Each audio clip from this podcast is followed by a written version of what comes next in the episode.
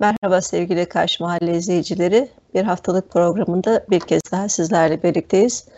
Bu haftanın öne çıkan gelişmelerini sevgili Mehmet Yılmazer ile birlikte yorumlayacağız. Ee, öncelikle hoş geldiniz hocam. İyi günler.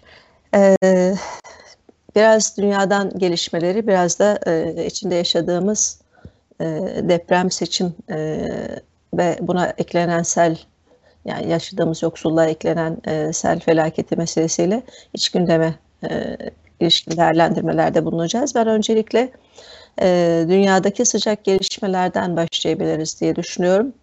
E, geçen haftaya damgasını vuran birkaç gelişme gözlemledim ben. E, siz de belki daha kapsamlı e, başlıklar da olabilir. Bunlardan birincisi e, Çin'in arabuluculuğunda İran ve Suudi Arabistan'ın Pekin'de e, yaklaşık 4-5 gündür süren görüşmelerinin anlaşmaya bağlanmış olması ve iki ülkenin uzun zamandır gergin olan özellikle bu Yemen Savaşı meselesinden beri e, oldukça gergin olan e, gelişmeler şeylerin ilişkilerinin e, bir takım işte çözümlere bağlanması, e, aralarındaki diplomatik ilişkinin yeniden kurulması, anlaşmaların yeniden devreye sokulması ve benzeri gibi.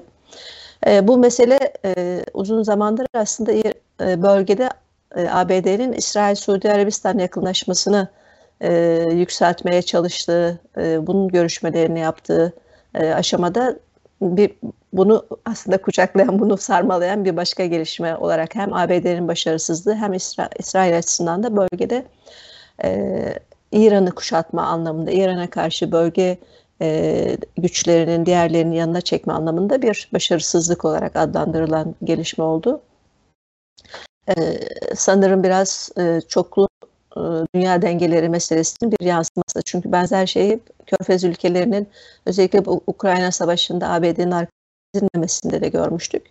Biraz bunlara e, belki değinmek doğru olur diye düşünüyorum. Bir yandan da e, 2008 krizinden beri e, ciddi sorunlar yaşadığım yaşayan dünya e, kapitalist ekonomisi e, yeni dünya e, kapitalist merkezlerinden en önemlisi olan e, ABD'de büyük bir kriz sarsıldı. E, sanırım 16. büyük bankası ile beraber geçtiğimiz haftalarda 3 bankası iflas verdi. E, devlet, yani devlet müdahalesiyle işte mevduatlara verdiği garantiyle şimdilik geçiştirilmiş görünüyor ama bunun 2008 krizinin e, dalgalarının derinleşerek devam etmesine başka e, gerekçeleri var mı? E, ve, ve bunun aslında Türkiye ekonomisinde e, e, özellikle enflasyonu durduramayan e, ve cari açığını e, önüne geçemeyen e, bizim gibi boşlu ülkeler açısından da büyük sonuçlar yaratma kapasitesine sahip görünüyor. Amerika'daki gelişmeler de bu çerçevede e, hani bölgedeki e, diplomatik atakları e, bir yana ama ekonomisi ciddi şekilde sallanıyor. E, ne dersiniz bu banka batmaları meselesinin devamı nasıl gelecek? Mesele nedir? E, galiba e, Amerika e, İsviçre Merkez Bankası 50 milyar franklık bir destekle bu kıyameti şimdilik susturmuş e, görünüyor. E, fakat İsviçre Credit Suisse'in e, olayı şeyden çok daha ciddi bana göre Silikon Vadisi Bankası'ndan çok daha ciddi. Hı hı. Aşağı yukarı 600 milyar dolarlık bir kapsamı var dünya ekonomisindeki etkisi anlamında. Şimdilik İsviçre Merkez Bankası desteğiyle e, bu kıyamet durdurulmuş görünüyor. Ve e, Credit Suisse'in batışının e, esas nedeni bu e, inanılmaz e, spekülatif e, girişimlerde bulundu. Bu girişimleri yaparken dünya e, finans piyasalarında çok büyük riskli girişimlere bulun, bulundu. O zamanlar bile tartışıldı. Hatta yönetimi birkaç kere değişti. Bu kadar büyük risk almak nereye götürecek diye ve sonunda banka batışa geldi. Yani Silikon Vadisi Bankası çok masum e, Kredi Suisse'in yanında. Kredi Suisse büyük spekülasyonların e, sonucunda duvara tosladı.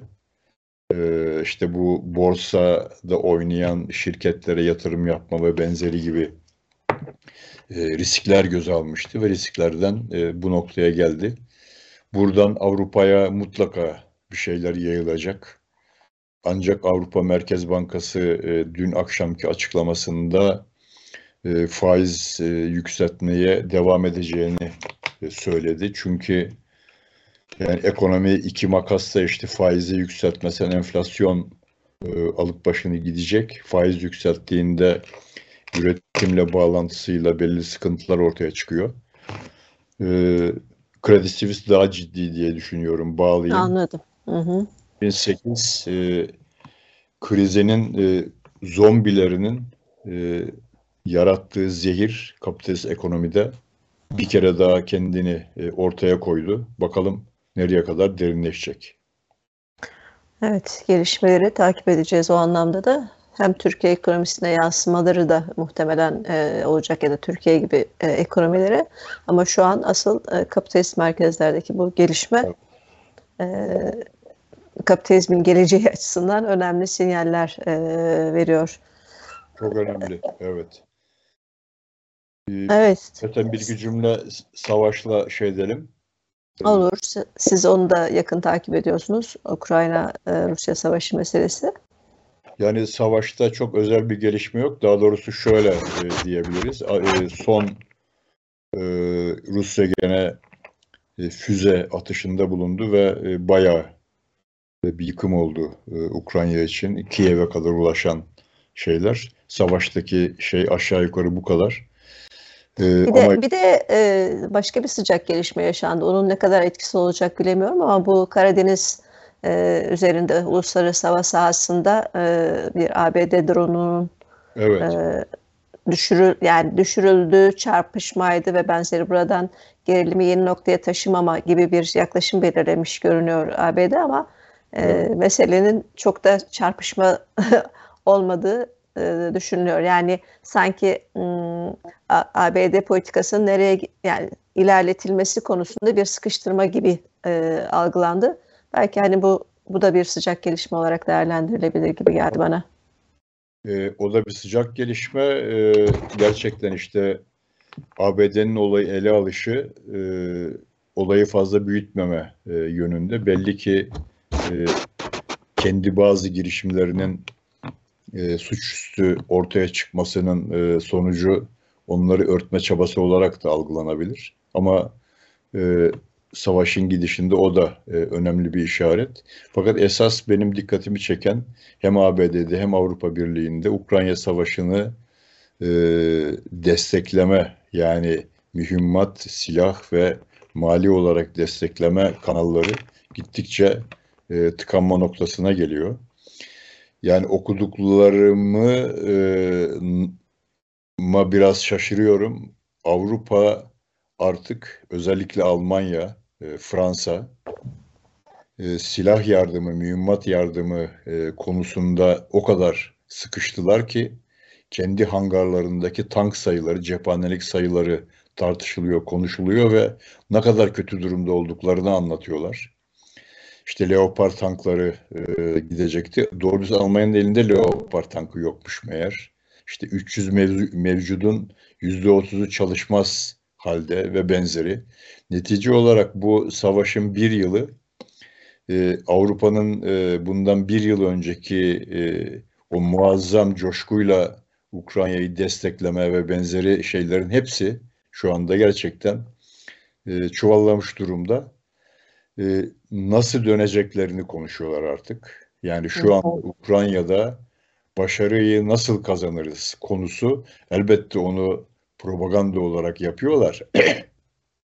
Özür dilerim ama e, daha beter bir e, çıkmaza gitmeden yoldan nasıl dönebiliriz tartışıyorlar. E, işte Zelenski'nin üzerinde baskı yapıldı. E, bu bahar sonunda bir e, anlaşma için kendini hazırla gibi baskılar yapıldı söyleniyor. Tablo e, çok ilginç. NATO e, Yugoslav Savaşı'nı, Yugoslav İç Savaşı'nı hiç e, unutmam. Küçücük Sırbistan'ı iki ay bombalamıştı ve sonunda yendim demişti.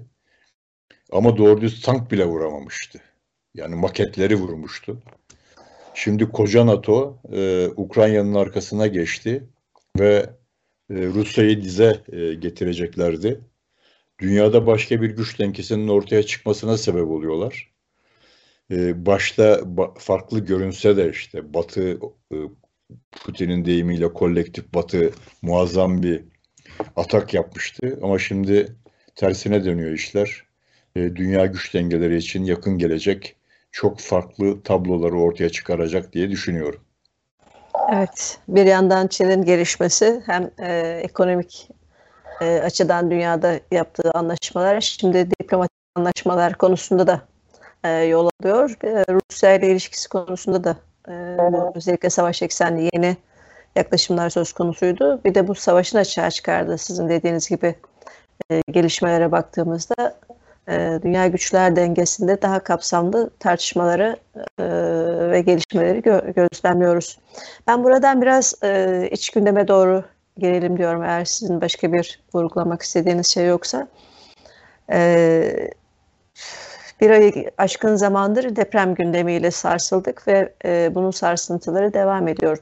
Belki toplumun büyük bir çoğunluğunda ya da e, siyasi arenada e, daha rutine dönmüş gibi görünse de e, bu e, felaketi yaşayan, felaket yaşatılan e, bölge halkı açısından e, büyük acılar şeklinde devam ediyor. E, 2 milyonun üzerinde bir e, göç dalgasında çağ çıktığı biliniyor. Bu insanların e, güvenli olmayan, güvenceli olmayan e, bir barınma sorunu. Bölgede kalanlar açısından da e, hem çadırlarda yaşam, işte çok sınırlı sayıda ortaya konan konteynerlerde yaşam büyük bir barınma sorunu şeklinde e, gerçekleşiyor ve hani e, büyük bir ayakta kalma, hayatta kalma, bir yandan da e, yaralarını sarma mücadelesi var bölge halkı açısından. Onlarla dayanışma için orada bulunan e, işte tüm sosyalist güçler, demokratik örgütleri, e, kimi e, belediyeler ve benzerleri e, bu acının hafifletilmesi için e, çaba sarf ediyorlar ama e, bütün bunların üzerine bir de e, sel felaketi dediğimiz e, bir felaket aynı bölgeyi vurdu ve e, oradaki yaşam mücadelesini katmerli olarak zorlaştırdı. 10, 17 kişinin yaşamını yitirdiği e, bir e, yani e, her doğa olayını bir bize bir felaket olarak yaşatan e, bir e, düzenle karşı karşıyayız. Sonra da çıkıp bunların üzerine aymazca açıklamalar yap, yapabiliyorlar. Biri asrın depremi, biri asrın seli, öbürü başka bir şey. yani gerçekten insanların yaşa, yaşamıyla dalga geçiyor, aklıyla dalga geçen bir yaklaşımla karşı karşıyayız maalesef yani bütün bunları artık hani bu, buradan bakınca ne demek gerekir? Ee, insan söyleyecek söz bulamıyor. Yani öfkemizi anlatacak kelime bulmakta zorlanıyoruz gerçekten. Ee, ama bütün bunların içerisinde de e, bir seçim gündemi e, oldukça derinleşme e, aşamasında. Çünkü 14 Mayıs'ta netleşmiş görünen bir e, seçim gündemi söz konusu. E, bizim şimdi e, yaşadığımız büyük yoksulluk, e, gitgide yükselen enflasyonun açığa çıkardığı e, yoksulluğun ve işte ağırlaşan faturalarını yaşarken bizler bir yandan da bir seçim gündeminin içerisindeyiz. Oldukça da hareketli denilecek iktidar e, cephesinde yani kendisi işte toplum gözünde yeni e, ittifaklarla, yeni e, kesimlerle buluşarak genişletme, e, meşruiyetini genişletme çabaları devam ediyor. İşte Hüdapar'la anlaştığı söyleniyor. Ki Hüdapar'ın bu coğrafyadaki anlamı e, oldukça e, bilinen bir şeydir. Herkes için e, yani Hüdapar deyince akla gelen Hizbullah'ın e, böyle, Kürt coğrafyasında yarattığı e, katliamlar hepimizin oldukça taze. E, diğer taraftan e, Partisi e, ile e, işte e, kendisi temsil gördüğü aslında kadar geriye düştüğünü ve burada bir iman tazeleme ihtiyaç duyduğunu gösteriyor. Ama e, orada da e, şey söz konusu e, yeniden refah bu ittifaka katılmak konusunda e, cevap veremedi. Bil onun nedeni geçen bir söyleşide işte çok şaşırıyoruz hani şeyi destekleme konusu Cumhurbaşkanlığı adaylığında Erdoğan'ı destekleme konusundaki eğilimi ifade ettiğimiz tabanımızdan çok büyük bir tepki eleştirilere maruz kaldık. Ee, biz hani tamam işte şey olduğu için kılıçları destekleyemeyiz ama e, diğerini de destekleyemeyiz. Biz kendimizi desteklemeliyiz şeklinde. Anladığım kadarıyla o tabanda çok ciddi de bir e, tepki söz konusu. Bütün bunlar tabii siyasi hesapların içerisinde hangi şekilleri alacak ayrı bir şey. E, aynı zamanda o, o ne diyelim sağ, sağcı e, cenahtaki STK'lar olarak adlandırdığımız onlar da sahadaydılar. Yani biz sosyalist örgütlenmelerin büyük çabayla sahada olduğunu gördük ama onlar da kendi ağları üzerinden hem işte tarikat ilişkileri ve benzerleri üzerinden epeyce etkindiler. özellikle yeniden refahın da bu, bütün bunların arasında olduğu söyleniyor. Yani bu anlamıyla iktidar cenahı şimdi oy oranı açısından olduk e, bir kısmı e, sıfır virgüllü rakamlarda bir kısmı işte bir başka şeyin temsilcisi e, olacak kesimlerle bir kan tazeleme aşamasında görünüyor. Şimdiye kadar işte devam eden büyük bir saldırganlık, işte kamplaştırma, kutuplaştırma meselesinde işte son önümüze gelen örnekler işte Ahmet Spor meselesinde e, Beyaz Toroslar ve e, Yeşil'in yeniden sahneye sürülme yani yine Kürt seçmene ve Kürt e, coğrafyasına özellikle dönük simgelerdi. Arkasından işte bu Hüdapar'la anlaşma da aslında Kürt coğrafyası açısından e, orada kimi provokatif gelişmelerin yaşanabilir mi, yaşanabileceğine dair kimi tartışmaları da gündeme getiriyor. Hani bu seçime doğru giderken e, başka gelişmelerin yaşanması anlamında işte Kılıçdaroğlu'na suikast laflarının dolaşıyor olması ve benzeri. E diğer yandan HDP'nin tabanında bitmeyen e, operasyonlar, gözaltılar e, diye baktığımızda evet. o cenahta biraz oradan yürümeye çalışıyor. Bunun e, bu devlet e, olanaklarını elinde tutan iktidar açısından ne kadar daha bu ne diyelim özel operasyonlar ve benzerlerini yapma ve buradan sonuç alma kapasitesi vardır meselesi şu an ciddi bir tartışma konusu olsa da seçime giderken bu hattında e, devam edeceğine dair beklentiler de söz konusu. E, diğer yandan şey açısından bakıldığında altılı masa yaşadığı çok büyük krizde şimdi bir miktar e, dengeleri oturmuş görünüyor ama herkes bulunduğu yerden yeni atraksiyonlar, yeni e, güç kazanma yaklaşımları konusunda da e, hızla yeniden harekete geçti. Özellikle İYİP içerisinden çıkan e, işte at, atraksiyonları gözlemliyoruz diye yakın zamanda yeniden. Diğer taraftan işte Kılıçdaroğlu'nun HDP'ye yapacağı, cumartesi yapacağı kulislere yansıyan ziyaretin ertelendiğini söylüyoruz. Bu da hani şu an hiçbir bilgiye sahip olmadığımız için e, nasıl yorumlanır bilemiyoruz ama bunun da ben altılı masa içerisindeki güç dengeleri ya da işte bu hesaplaşmaların bir yansıması gibi e, değerlendirebiliriz diye düşünüyorum. E, en sıcak gelişmeler bu hafta içerisinde Emek Özgürlük İttifakı'nda yaşandı. Burada şey çok fazlaydı.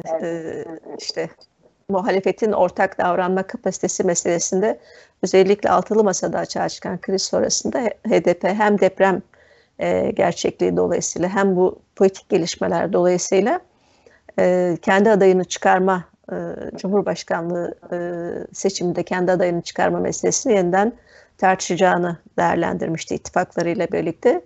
Dün yapılan görüşmede o da bir gündem olmuş ve ortak karar açıklanacak. Ortak kararın özellikle Kılıçdaroğlu ile yapılacak görüşmeler sonrasında desteklemeye doğru olacağı eğilimi oldukça yüksek görünüyor. Olmadık bir gelişme yaşanmazsa e, Türkiye'de hiçbir şeyin bir garantisi yok onu biliyoruz. E, ama oradaki asıl tartışma e, kendi iç gerilimleri olacak mı tartışmasıydı. Çünkü bir haftadır e, sosyal medya üzerinden e, epeyce ne diyelim tartışmalı bir süreçti. E, bu e, seçimler sürecinde e, Emek Özgürlük İttifakı'nın aslında Türkiye'de işte bu hem deprem sürecinin hem şeyin açığa çıkardığı, e, uzun zamandır yaşanan ekonomik politikalarının yarattığı yoksulluğun açığa çıkardığı gerilimleri e, bir yeni değişim ve dönüşüm sürecinin kapılarını açabileceği ve bunun asıl garantisinin bu ittifak olacağı e, meselesini uzun zamandır tartışıyoruz. O açıdan da HDP bu sürece girerken e, parlamentodaki e, ağırlığını olabilecek e, en yüksek seviyeye çıkarma ve bunun üzerinden de oradaki demokratikleşme hamleleri konusunda e, etkin bir söz sahibi olabilmek e, meselesini e, bu seçim politikasının yani öncelikle hedefler arasına koymuştu. E, o yüzden de hmm, işte bu son gelişmelerle HDP'nin kapatılma meselesi e, açık bir e, tehdit olarak gündeme gelirken de tek bir partiyle e, ve bu da Yeşil Sol Parti ile seçime gidilmesi konusunda bir yaklaşımı söz konusuydu. Ama özellikle tip başta olmak üzere diğer ittifak güçlerinde e, e, seçim yeterli alan ittifak güçlerinde kendi isimleriyle girme e, gibi bir yaklaşımları söz konusuydu ama bu rakamların tabii e, şu ana kadar açığa çıkan anketler de oldukça hani verdiği rakamlar da çok yüksek rakamlar değil. O yüzden de bunun için başka e, ya HDP'den doğru desteklerle beraber bunun olması konusunda da bir şey vardı. Pres söz konusuydu görüşmelerde işin açıkçası. Hani e, ve son yapılan görüşmede Emek Özgürlük İttifakı işte bütün bileşenlerinin e, çıkarlarını gözeten, yani çıkarlarını derken politik hedeflerini gözeten, önceliklerini gözeten, kazanımlarını geriye çektirmeyecek bir konuda uzlaştık e, diye bir açıklama yaptılar. Anladığım kadarıyla aslında bu e, bunun nasıl olabileceği konusunda bir teknik çalışmayla beraber yani sonuçlanmış bir şey değil e, ama prensip kararı olarak anlaşılmış e, görünüyor. İttifakla girme e, burada e, özellikle tipin bildiğim kadarıyla EMEP henüz e, son kararını açıklamamış. E, kendi ismiyle mi girecek? E, birkaç gün izin istemiş, e, değerlendirecek. E, özellikle tipin e, nasıl gireceği konusunda da bir e, gelişmeler önümüzdeki günlerde biraz daha görünecek. Zaten 24'üne kadar da netleşmesi gerekiyor. Yani bu anlamıyla baktığımızda hani Emek Özgürlük İttifakı'nın e, ve hani bütünlüğünü koruyabilmesi, sahada olabilmesi, parlamentoda olabilmesi ve önümüzdeki dönem e, temel politik meseleler konusunda bir ağırlık koyabilmesi açısından e, önemli kritik günlerden geçiyoruz e, diye düşünüyorum. E, siz bütün bu gelişmeleri e, nasıl yorumlarsınız? E, önümüzdeki riskler, olanaklar, olasılıklar meselesi açısından.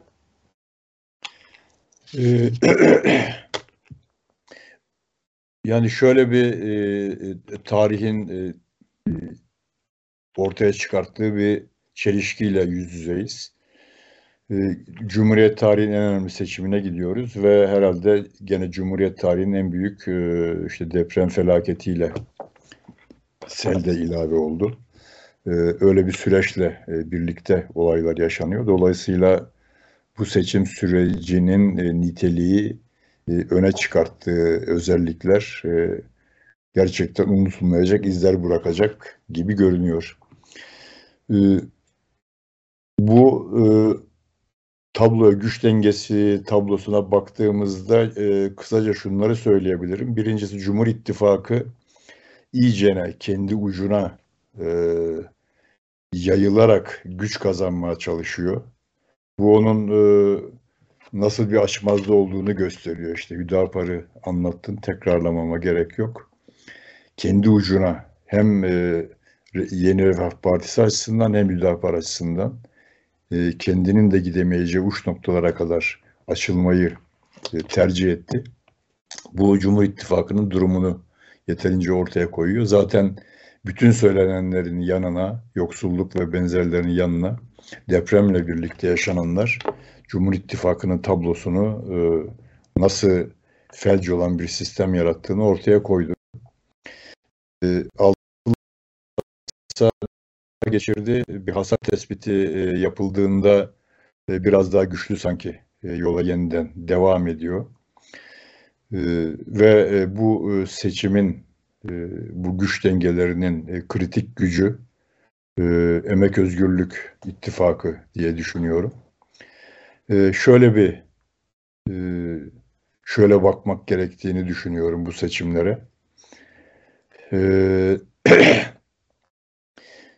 Saflı ortaya sahnede olan e, siyasal e, güçleri e, de aşan e, bir e, kitle potansiyeli e, önümüzdeki süreçte e, ortaya çıkacak mı? Siyasi aktörleri de arkaya arkada bırakabilecek bir coşku ve e, e, güçlü adımlar ortaya çıkabilecek mi? Ve bunun potansiyeli varsa bunu nasıl e, büyütebiliriz e, evet. daha çok e, dikkate almak gerekiyor. Bu e, Cumhuriyet tarihinde dönem dönem e, yaşanmış bir olgudur ama e, arkasından bu coşku ortaya çıkmış, e, düzenin e, sahiplerinin pek e, düşünmedikleri ölçüde coşku ortaya çıkınca da bu sefer o coşkuyu e, sindirme ve toparlama e, telaşına girmişlerdir. Bugün e, gene sanki böyle bir şeyin eşiğindeyiz diye e, düşünüyorum. Bunun işaretlerini e, altılı masa devrildiğinde ortaya çıkan e, kitle tepkisinde gördük. Gene depremde ortaya çıkan büyük dayanışma eylemi ve zinciriyle e, gördük. Ve e, azalmak değil yükselerek giden bir e, coşku var. Bunu e, mutlaka e, daha ileri noktalara e, taşımak gerekiyor. Şu anda gerek altılı masa gerekse Cumhur İttifakı e, bu coşkuyu nereye kadar e, götürebilecek sorusu yersiz bir soru değil. Cumhur İttifakı zaten bunun tümüyle dışında. Altılı masa ise e, kendi yaptığı muhalefeti geçen aşan bir e, kitle ve halklar hareketinin e, o da önüne geçmek, onu da e, dizginlemek gibi bir açmazla yüz yüze. Onun için Emek ve Özgürlük İttifakı bu süreçte bütün bu birikimi e, ortaya çıkartacak örgütlülük, e, propaganda adımlarıyla bu tarafa ağırlık vermesi gerekiyor. E, büyük bir hesaplaşma olacak. Hesaplaşmada gücümüzü ne kadar büyüteceğiz? E, esas e, sorun bu e, diye düşünüyorum. Emek Özgürlük bloğunun içindeki e, kimi görüşmeler belli pazarlıklar işte uzlaşmalar e, yaşanmaya çalışılıyor. Fakat duruş noktası şu olması lazım. Emek Özgürlük Bloğu'nun e, lokomotifi e, HDP seçimlere belki başka bir isimle e, katılacak. E, bu e, güç dengelerinde yeni güçler e, kazanmaya aday şüphesiz ki siyasi yapılar da var. Bu da onların son derece doğal hakkı. Ama Emek Özgürlük Bloğu'nu topyekün ve e, Halkların Demokrasi e, Partisi'ni zayıflatacak her türlü adım e, bu e, seçimleri bir gün tarih olarak değerlendirirken eksi hanesine yazılacak siyasi tarihimizde olumsuz olarak geçecek şey olarak kalır hafızalarda. E, Emek Özgürlük bloğunu ve özellikle Halkların Demokratik, e, Demokratik Partisi'ni zaafa uğratmayacak, büyütecek e, adımlar atılmalı diye düşünüyorum. Kimi e, girişimler var üstünde yorum yapmak için erken görünüyor ama e, esas kriter noktası bu e, gücü zaafa uğratacak en küçük bir adım e, siyasi tarihimize e, başka bir biçimde geçecektir diye bitireyim. Evet. evet. Teşekkürler hocam. Ee, kesinlikle bu şekilde değerlendirilmesi gereken bir tarihsel dönemden geçiyoruz. Aslında e, toplumsal e, beklenti, toplumsal değişim dönüşüm beklentisi meselesi oldukça görünür hale gelmiş durumda hayatın her aşamasında, her alanında ve bunun e, temel taşıyıcısı ola, olacak güçlerin de özellikle Emek Özgürlük İttifakı'nda toplanmış güçler olduğunu artık e, çok daha geniş kesimlere anlatabileceğimiz e, bir zemin de söz konusu. Yani e, şimdiye kadar sözünü ettiğimiz işte e, kendi, kendine yeten kentler meselesi, e, bu merkezi iktidara diğer yönetimlerin güçlendirilmesi e, meselesi, işte kadın özgürlükçü e, yaşamın kurulması meselesi, emeğin hakkının verilmesi, insanların barınma hakkının en temel hak olduğu ve bunun devlet güvencesine alınması gerektiği meselesi artık e, her birimizin yaşamında e, hani yaşam hakkımız açısından önemli başlıklar olarak yani bunların neden gerektiği, gerekli olduğunu daha iyi anlatabileceğimiz bir dönemin de içerisine girmiş durumdayız.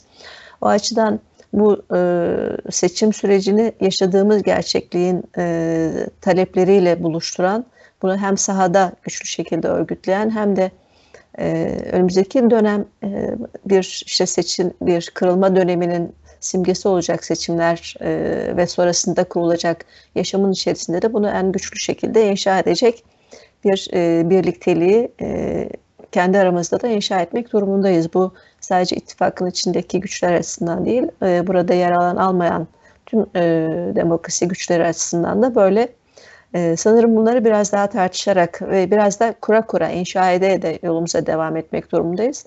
Birinci etap ama e, Emek Özgürlük İttifakı'nın kendi bütünlüğünü koruyarak e, toplam kazanımlarımızı geriye düşürmeyecek e, bir yaklaşımı benimseyerek yoluna devam etmesidir. Bu konuda biz kendi üzerimize düşen e, sorumlulukları yerine getirme konusunda hem bulunduğumuz e, mücadele alanlarında hem de e, ittifak görüşmeleri ve bu politikanın inşa edilmesi çerçevesinde tartışmalarımızı, katkılarımızı sürdürmeye çalışıyoruz. Ee, sanırım önümüzdeki günlerde biraz daha netleşecek e, bu gelişmeler. Kamuoyuna açıklanacak boyutlara da gelecektir.